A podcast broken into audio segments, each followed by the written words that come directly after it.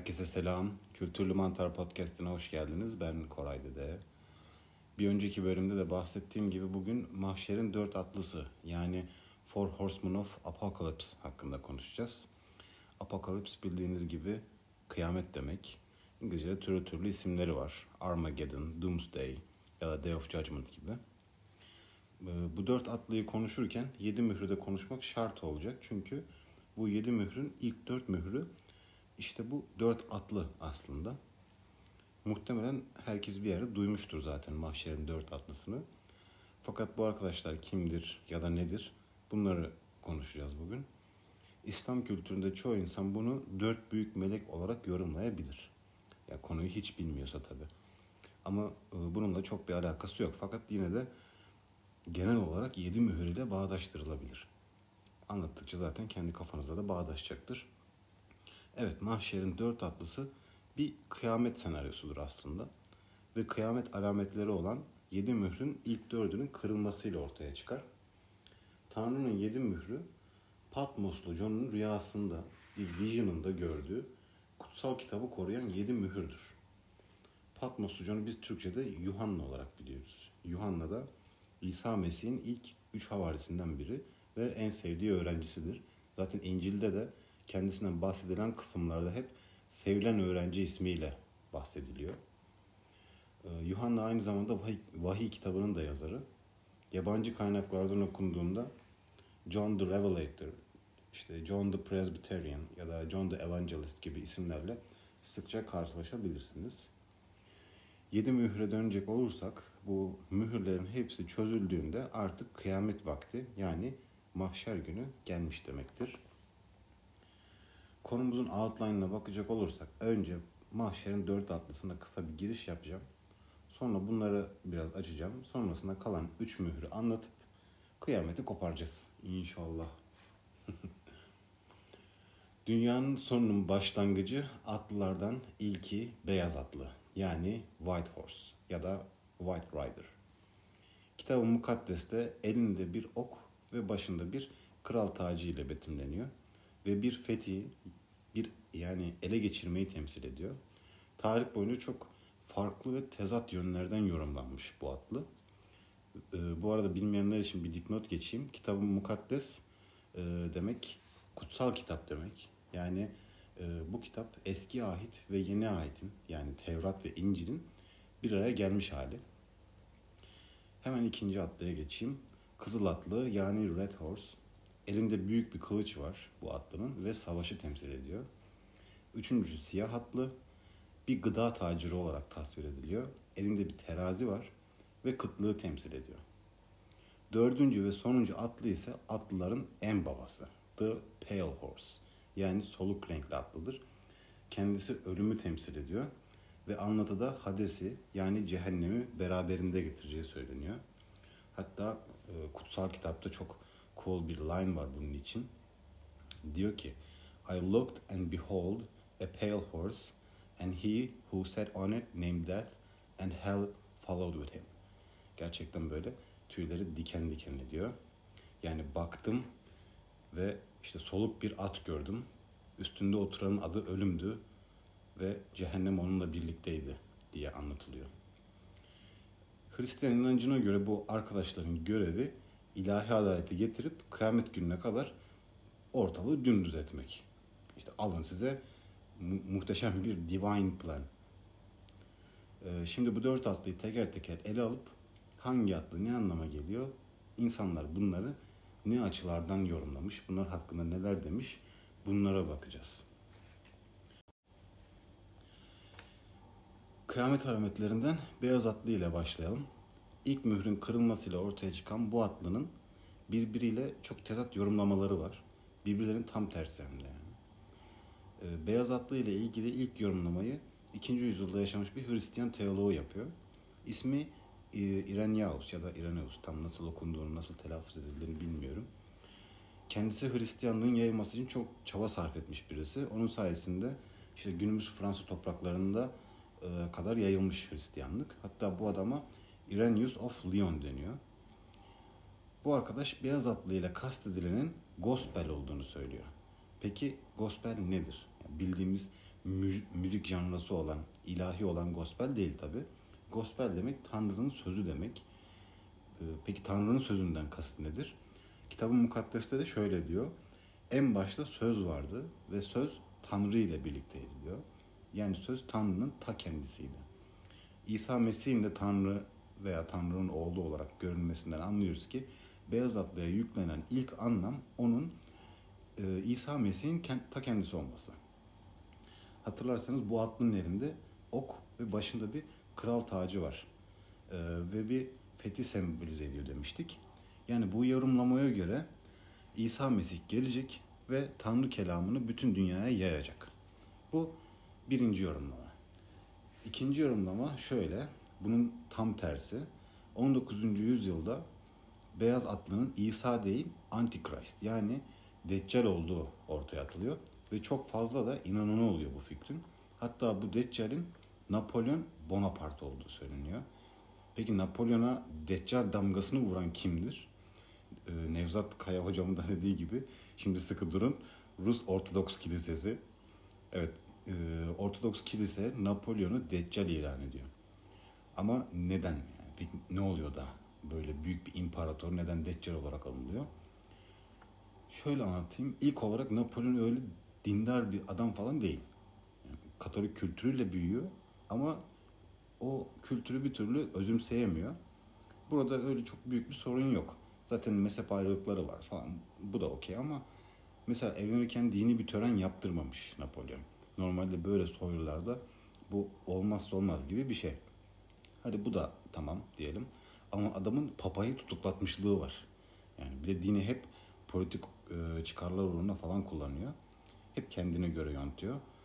Ki e, şu an için bize çok yabancı bir durum değil. Türkiye politikasına baktığımızda. Her neyse bu din işlerini kullanma konusunda bir takım e, emansipasyon politikaları olmuş bu adamın. Yani emansipasyon özgürleştirmek demek. Bir takım özgürleştirme süreçlerine girmiş.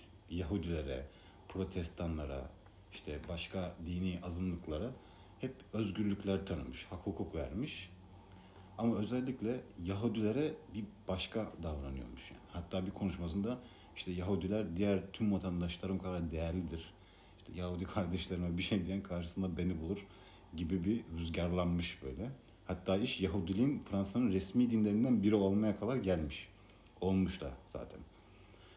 Ama Rus Ortodoks Kilisesi kullanıyor tabi. Kadim kilise yani. Yer mi lan bunları? Ee, demiş ki sen bu civişleri pek bir seviyorsun. Papayı da tutuklatmışsın. FETÖ'cü müsün oğlum sen diyorlar. bu olanlar üstüne Napolyon'u Deccal ilan ediyorlar işte. Zaten Napolyon Deccal tanımına da uyuyor baktığımızda. İşte Deccal'in e, geleceği, barış vaat edeceği, sonra işte Tanrı'ya inananlara ihanet edeceği söyleniyor. Önce bir barış vaat ediyor, barış vaat ediyor. Sonra Tanrı'ya inananlara ihanet ediyor. Napolyon da e, işte politik olarak bir birleşme çabasında ama savaşlarda çok can oluyor. Ve zaten papayı tutuklatması da cabası bunun. Beyaz Atlı'nın e, Roma İmparatorluğu olduğu da yorumlar arasında. Diğer bir yorumda bir salgın hastalık olacağı, bu atlının bir salgın hastalık olduğu konusunda yorumlar yapılıyor. Herkesin aklına tabii şu an korona salgını falan geliyor bugünlerde. Ama geçmişteki veba salgınları ya da işte bu Spanish flu gibi e, zamanlarda bu söylenmiştir muhtemelen. Bu beyaz atlı meselesine çok e, kafa yorulmuş. Eminim daha birçok yorum vardır ama bunlar şu an benim bildiklerim. Gelelim ikinci atlıya. Yani The Red Horse. Ateş kırmızı bir atın üstünde böyle kılıcını sallaya sallaya gelecekmiş. Yani elindeki kılıçtan yola çıkarak anlıyoruz ki kan dökülecek. Büyük bir savaş olacak. Bazılarına göre bu savaş e, ve dökülen kan Hristiyanlığın ilk yıllarında öldürülen e, misyonerleri. Bazılarına göre dünya savaşlarını, bazılarına göre de Roma İmparatorluğu'nun dağılışını e, sembolize ediyor. Yani öyle yorumluyorlar. Çok e, beyaz atlı gibi öyle çelişkili veya tezat yorumlar yok bu atlı hakkında. O yüzden bunu çabuk geçeceğim ve üçüncü atlıya geleceğim. Yani The Black Horse. Elinde bir terazi var demiştik. Bunu adalet olarak yorumlayanlar var. Ee, ama tartısında arpa ve buğday olduğu kitab-ı mukaddeste e, anlatılıyor. Onun için genel yorum açlığı sembolize ettiği yönünde. Sadece yiyecek bulma konusunda bir kıtlığın yanı sıra gelir dağılımındaki haksız eşitsizlikten dolayı da bir kıtlık olacağı olarak e, yorumlanıyor böyle. Yani günümüz ekonomik durumuna bakacak olursak hali hazırda yaşıyoruz aslında bu durumu. Bu atlıyı da geçiyorum. Zaten bu atlı da hakkında çok öyle tezat yorumlar yapılan e, bir atlı değil. Ve geldik sona, son atlıya. Adı Pale Horse yani kod adı Ölüm. Grekçe'de Thanatos olarak biliyoruz. Tasvirlerde, tablolarda elinde böyle bir e, hep tırpan ile resmediliyor. Ama kutsal kitapta bununla ilgili bir şey söylenmiyor. Baktığınızda hepsinin elinde bir şey var. Bir e, silah veya başka bir şey var. Ama bunda yok. Fakat diyor ki kitap Hell followed with him. Yani cehennemi de beraberinde getirdi. Devamı da şöyle. Kılıçla, salgınlarla, kıtlıkla ve son olarak vahşi hayvanlarla öldürmeleri için yetki verildi diyor. Yani öncesinde gelen üç atlının bütün, bütün özelliklerini topluyor bu atlı kendinde. Sonra kendini de ilave ediyor buna. Ve dünyayı insanoğluna dar ediyor Thanatos. Yedi mührün ilk dördünün çözülmesiyle ilgili anlatılanlar üç aşağı beş yukarı böyle. Tabi bunlar Hristiyan teolojisi konuları. Yani sadece dört atlının daha derin işlenmesi saatler alır ama benim amacım kimseye teoloji dersi vermek falan değil. Öyle çok derine inmeden genel kültür seviyesinde güzel güzel kültürleniyoruz. Gelelim diğer üç mühre. Yedi mühürden dördünü kırdık. Üç mühür kaldı. Beşinci mühür Mesih yolunda canını veren şehitlerin çığlıkları olarak anlatılıyor. Yani beşinci mühür çözüldüğünde bu şehitler Tanrı'ya yakaracaklar. Şikayet edecekler. Dünyadaki bu düzen daha ne kadar devam edecek? Bizim intikamımız ne zaman alınacak? Adalet ne zaman gelecek diye ağlayıp duracaklar. Çığlıklar bunlar. Bu olay bazılarına göre İsa'nın ölümünden sonra Yahudiler Hristiyanları katlederken yaşanmış. Öyle inanıyorlar. Çoktan kırıldı diyorlar bu mühür. Bazıları da çile zamanı, itiraf zamanı olarak bilinen Great Tribulation zamanında yaşanacağına inanıyor. Altıncı mühür çözüldüğünde depremlerin, ölümcül olayların, yıkıcı felaketlerin insanlığın peşini bırakmayacağı anlatılıyor. Vahiy kitabında diyor ki güneş kapkara, ay kıpkırmızı olacak, yıldızlar göklerden düşecek ve dağlar denizlere kavuşacak. Bu durumların işte kozmik bir bozulma sonrasında olacağına inanılıyor. Yani ileriki bir zamanda hatta İsa Mesih İsa Mesih'in tekrar dünyaya geldiğinde kozmik bir bozulmadan ötürü bütün dengenin bozulacağına inanılıyor. Ee, bir kesimde bu mührün çoktan kırıldığına, bozulmanın aslında başladığına ve bunun bir süreç olduğuna, bizim de bu sürecin son evrelerinde olduğumuza inanıyorlar. Ve son mühür, yedinci mühürün açılması Tanrı'nın gazabını insanların üstüne salması demek. Şöyle bir sahne anlatılıyor vahiy kitabında. Diyor ki, yedinci mühür açıldığında cennette bir süreliğine bir sessizlik oldu. Ve yedi adet meleğin Tanrı'nın önünde durduğunu ve her birine birer trompet verildiğini gördü. Sonra başka bir melek geldi ve elinde altın bir buhardanlık ile sunağın önünde durdu ve ortaya yoğun esanslar çıktı.'' esansın azizlerin dualarıyla yükselen dumanları Tanrı'ya kadar ulaştı. Ve melek buhardanlığın içine sunağın ateşinden koyup yeryüzüne fırlattı. Yeryüzünde çığlıklar, gök gürlemeleri, şimşekler ve depremler vardı. Ve tapınakta yedi meleğe söylenen yüksek bir ses duydum. Gidin ve Tanrı'nın gazabını yeryüzüne boşaltın. Sessizlik muhtemelen İslam'da da e, tasvir edilen kıyamet den önce bir süre barış yaşanacağının sembolü falan olabilir. Şöyle sırasıyla mühürler teker teker çözüldüğünde neler olacak? Bunları bir toparlayalım. Sonra da bitirelim artık. Birinci mühür Antichrist olarak bahsedeceğim. Antichrist'ın gelmesi yani Deccal'in gelmesi. Önce barış vaat etmesi sonrasında azizlere savaş açması. İkinci mühür savaşın başlaması yani Kızılatlı'nın gelmesi ve bir sürü insanın ölmesi demek. Üçüncü mühür siyah hattının gelmesi ve dünyada geriye kalan nüfusun kıtlık içinde yaşaması. Dördüncü mühür soluk renkli hattının gelmesi, savaş ve kıtlıktan geriye kalan insanları büyük çoğunluğu yine savaşlar, hastalıklar veya işte felaketler ile öldürmesi.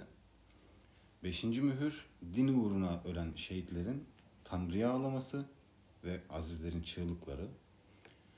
Altıncı mühür katastrofik olayların başlangıcı. Yedinci mühür cennetin sessizliğe gömülmesi ve yedi trompetin üflenerek Tanrı'nın bütün gazabının yeryüzüne yağması. Şimdi bu yedi trompetin e, her birinin üflenmesi farklı farklı olayların başlangıcı demek. Onlara da bir e, biraz göz, göz atalım. İlk trompet üflendiğinde dolu ve yangınlar bitki örtüsünün üçte birini yok edecek diye anlatılıyor. İkincisi üflendiğinde yanar bir dağ, yani bir yanar dağ denize gömülür ve deniz yaşamının üçte biri sona erer. Böyle anlatılıyor. Üçüncünün üflenmesi Wormwood adında bir yıldızın dünyaya çarpması ve temiz su kaynaklarının üçte birinin zehirlenmesi demek. Dördüncü trompet üflenince ayın ve güneşin üçte biri kararıyor.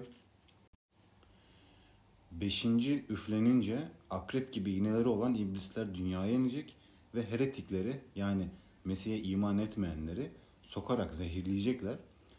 Bu heretikler acılarının dinmesi için, ölmek için Tanrı'ya yalvaracaklar. Altıncı üflendiğinde dört tane melek ağızlarında alev ve e, sülfür püskürterek insanoğlunun üçte birini yok edecek. Yedincisi de üflendiğinde cennetteki 24 elder yani 24 tanrısal bilge dünyayı yok edenlerin artık yok edilmesinin vaktinin geldiğini söyleyecek ve ahit sandığının bulunduğu cennetteki kutsal tapınak açılacak. Ahit sandığı da içinde ona aitin yani e, Ten Commandments yani İsa e, pardon Musa peygambere gönderilen on emrin içinde bulunduğuna inanılan kutsal bir sandık bu. Bence bu kutsal sandığın açılması yeni bir başlangıcın habercisi olabilir. Yani server'a bir restart gelecek falan olabilir. Evet, bu kesinliği belli olmayan, yorumlamaya, sorgulamaya falan fazlasıyla açık olan bu anlatılardan bugünlük bu kadar. Bir sonraki bölümde aralıklarla devam etmeyi planladığım sinema serisinin ilk bölümünü yayınlamayı düşünüyorum. Konuşacağımız ilk film Coen kardeşlerin en sevdiğim filmi olan The Big Lebowski. Yani izlememiş olanlar eğer e, bölümü dinlemeden önce izlerlerse bölümden daha çok zevk alacaklarını düşünüyorum.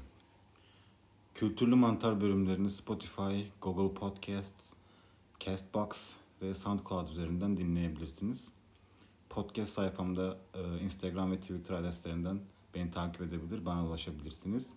Ayrıca Patreon linki üzerinden bu medyumun sürekliliği için beni destekleyebilirsiniz.